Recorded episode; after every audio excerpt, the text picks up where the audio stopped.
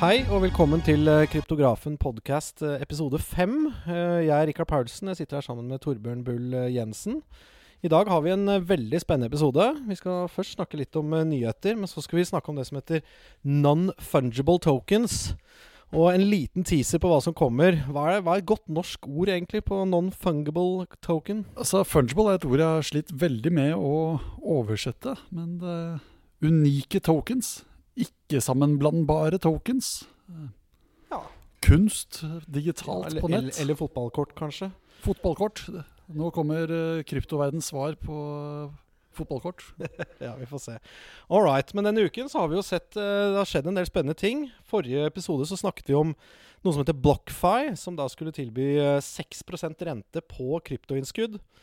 Siden, ikke siden vi hadde episoden, men siden de lanserte dette for fire uker siden, har de fått inn 35 millioner dollar, som alle tjener den renten. Og de eh, kryptoene blir lånt videre til mellom 4 og 12% rente. Mm. Samtidig har det kommet litt grann, jeg vil ikke si kritikk, men eh, når man ser etter på vilkårene, så er jo den renten ikke noe som er lovet for mer enn én måned av gangen. Så det gjenstår jo å se om eh, renten fortsetter å være så høy når det har kommet inn så mye penger. Ja, altså, men hele ideen er vel strengt tatt at hvis det, hvis det er demand, altså etterspørsel etter å låne de, og folk har lyst til å betale, så lenge de får en liten margin, så, så kan de jo tilby den renten. Men er hvis Ja. den marginen faller, så skjønner jeg at det Ja, Dette blir jo et marked der eh, renten etter hvert kommer til å bli bestemt av hvor stor etterspørsel det er etter å låne disse bitcoinene, og hvor mange som har lyst til å sette inn. Men det er jo spennende å se at eh, dette konseptet nå faktisk har fått ordentlig fotfeste. da. Ja, og så eh, en annen eh, kul eh, nyhet. Um, kul og kul. Uh, CBOE, Chicago Board of Option Exchange, de la ned sin uh, bitcoin future-satsing. Hva tenker du om det? Ja, altså De startet jo på toppen av hypen i 2017 og legger jo nå ned i det som kanskje tegner seg å bli vendepunktet. Så det er jo veldig medsyklisk. Eh, Men en, en ting som er interessant, det er at eh, markedet, altså kryptomarkedet knappast har reagert på det. Det er kanskje ikke så overraskende, for CME fortsetter å ha sine futures. Og Men det var vel samme dagen de annonserte at de skulle legge ned, altså CBOE, så hadde vel CME eh, sin beste dag noensinne, med 350 millioner dollar omsatt, eh, tror jeg. Men, eh, men vi ser jo rekordnoteringer sånn på bitcoin generelt, da. Så på den dagen så var det vel 11 milliarder dollar eh, notional, tror jeg. Uh, Ja, så aktiviteten i kryptomarkedet er absolutt i ferd med å ta seg opp, og at uh, det at CBOE her ser at de stenger ned midlertidig, og at de ikke klarer å dra det rundt, det Sånn er det i markedskonkurranse. Det er ikke alle som klarer seg til alle tider.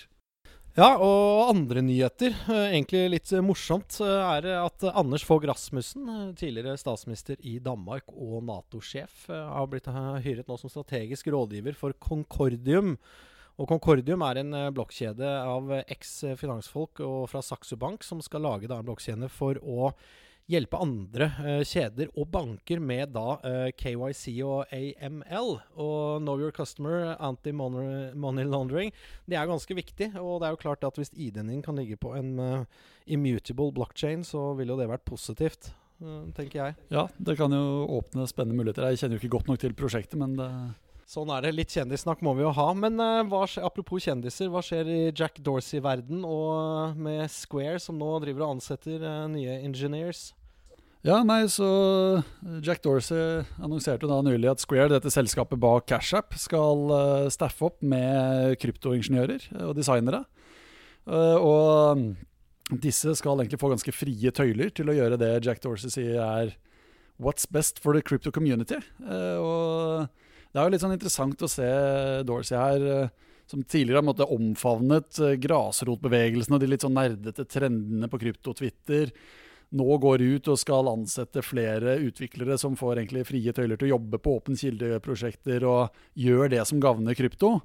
Eh, Og sånn sett liksom frir veldig til de, som jobber med dette og er si, glad i at det er åpent. og tar en tydelig posisjon der, mens eh, andre selskap, som kanskje Coinbase, har havnet litt mer på kanten, i hvert fall etter sin eh, ansettelse av folk fra tidligere hackerteam, altså disse folka som Men, det men kan ikke bare være det at Jack Dorsey er en toneangivende type som nå siste året virkelig har begynt å tro på dette her, og ønsker å gå den veien, og sitter med makten både på brukermassen til Twitter og CashApp til å kunne gjøre noe, og Square til å gjøre noe Ja, det interessant. er ingen, da.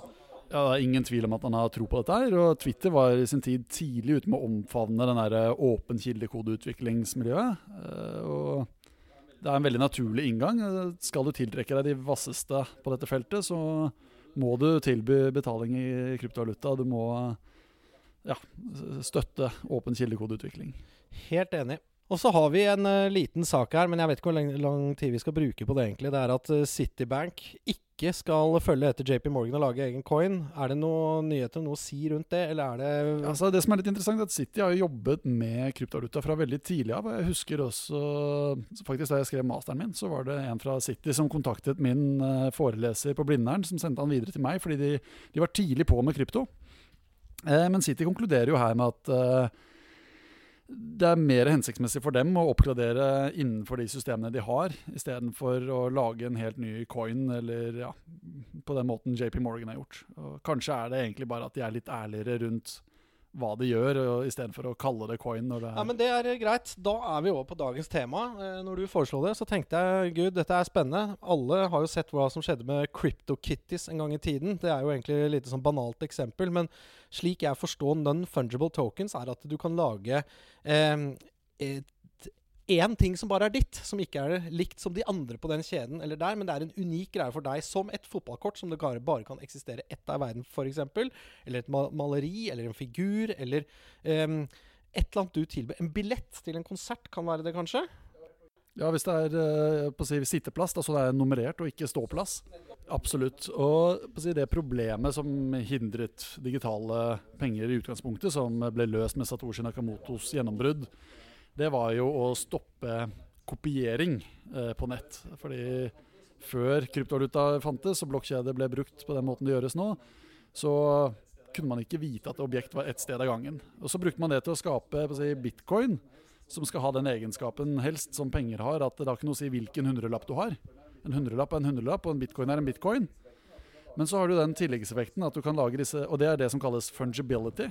At eh, en bitcoin er en bitcoin. Det har ikke noe å si hvilken. Det er samme vare. Eh, mens eh, du har den tilleggsegenskapen at du da kan lage disse non-fungible tokenene. Du kan lage en kryptokatt, og du kan vite at du er den eneste i hele verden som har akkurat den kryptokatten. Og du kan da du har på en måte fått denne fysiske egenskapen, der du kan sitte med en original av et maleri og vite at det er bare du som har det. Og så har du tatt den inn i den digitale sfære. Nå kan du ha et digitalt kunstverk. Og så kan du vite at det er du som har originalen.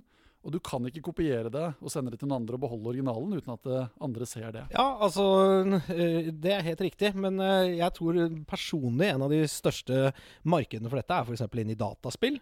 Det er jo ekstremt populært f.eks. å customize og gjøre ting og personalisere ting.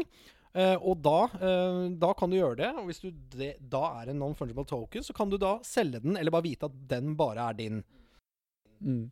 Altså Det som er veldig spennende, er at uh, spillindustrien, dataspillindustrien er jo blitt enorm. Altså Den er jo større enn store deler av filmindustrien. Og vi snakker om altså, rundt 140 milliarder i året er liksom anslaget på verdien i spillindustrien. Og der har du jo da barn, ofte unge, som bruker timevis og ekte penger på å kjøpe forskjellige rustninger, forskjellige tillegg, forskjellige skins til karakterer. Men med det problemet at når de har lyst til å bytte spill, så er den eh, tingen har vært låst til det spillet, så de har ikke kunnet ta det med seg.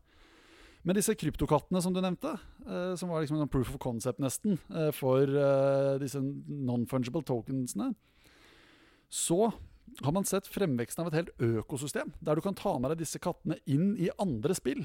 Og du kan kjøpe hatter til disse kattene. Og du kan putte dem i et slåsspill.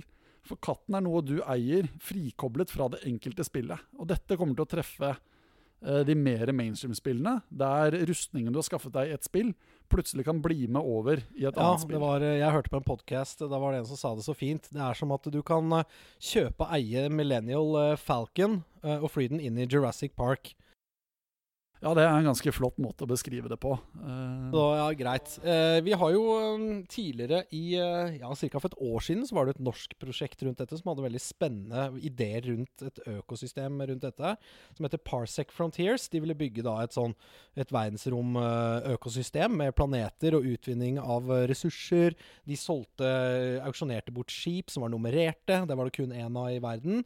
Eh, eksempel, og som du kunne gi navn, kunne ha ulike farger, og ønsket å skape en helt sånn økonomi rundt det. Det var jo veldig synd at det ikke ble noe akkurat da, men eh, såkalte MMO-spill som det har jo vist seg å være veldig, veldig populære. Ja, og eh, dette er en idé som å si, Den er kommet for å bli. Det bare tar litt tid før man kommer ordentlig i gang og finner ut av hva som er den riktige formen, og du får et spill som virkelig tar av. Kryptokattene tok jo av. og det ble jo så populært at uh, Ethereum-nettverket plutselig stanset opp, for de klarte ikke å håndtere så mange transaksjoner. Uh, men det var jo fortsatt litt sånn nisje og blant nerder, selv om det ble store penger i omløp etter hvert. Uh, investert i disse kattene. men kommer til, dette kommer til å komme til spill sånn som Fortnite f.eks., og det øyeblikket det gjør det, så du, er det 200 millioner spillere verden over som plutselig er en del av denne nye non-fungible token-økonomien. Men hvis vi beveger oss litt bort fra spillverden, da, uh, se på andre mm. steder vi kan gjøre det, og nå er vi jo litt på frifot her. Hvis man skal tenke veldig veldig langt ned, tror man at liksom, måte, det vil oppstå kunstnere som lager artwork, kanskje lager noen profilbilder eller noen banner, eller som lager ting som personaliserer din digitale verden, som de kan selge. Akkurat som du har customiza Nike-sko, da. Ikke sant? Ja, ikke sant. Eh, og dette fins jo allerede eh, i liten skala. Eh, det er de som har lagd kunstverk og gitt den en token, f.eks. på Ethereum-blokkjeden, hvor det er en standard som heter ERC720, som typisk brukes for disse non-fungible tokensene. Sånn at uh, du kan selge et originalkunstverk, men digitalt. Og Det som er litt sånn spennende med det, det er at hvis du investerer i dette kunstverket tidlig, for du har tro på denne kunstneren, ja, da får du insentiver til å være med å markedsføre denne kunstneren. Fordi du er jo nå blitt en, eh, den heldige tidlige eier av eh, et kunstverk. Sånn at ikke bare er det mulig for en investor å gjøre dette heldigitalt, men i tillegg får investoren motivasjon til å hjelpe kunstneren eh, opp og fram her i verden. Så du får på en måte si, gode eller positive insentiver da, fra kunstneren. Ja, plutselig ender du opp med noen uh, digitale litografier og, uh, og, trykk. Kanskje man bare har 150 stykker av et bilde da, som man gir til uh, sin følgebase ikke sant? som en sånn liten teaser. Ja, og, og, det er jo på å si, Facebook for eksempel, de har jo hatt et system der du kan kjøpe forskjellige smileys som er unike. Som du kan måtte, være den eneste på Facebook som har den smileyen. Uh, men problemet det er at den smileyen bor jo da bare på Facebook. Så den dagen Facebook ikke er the place to be lenger, det er vel kanskje ikke det lenger for de unge, hva vet jeg, så er du da har du tapt den smileyen.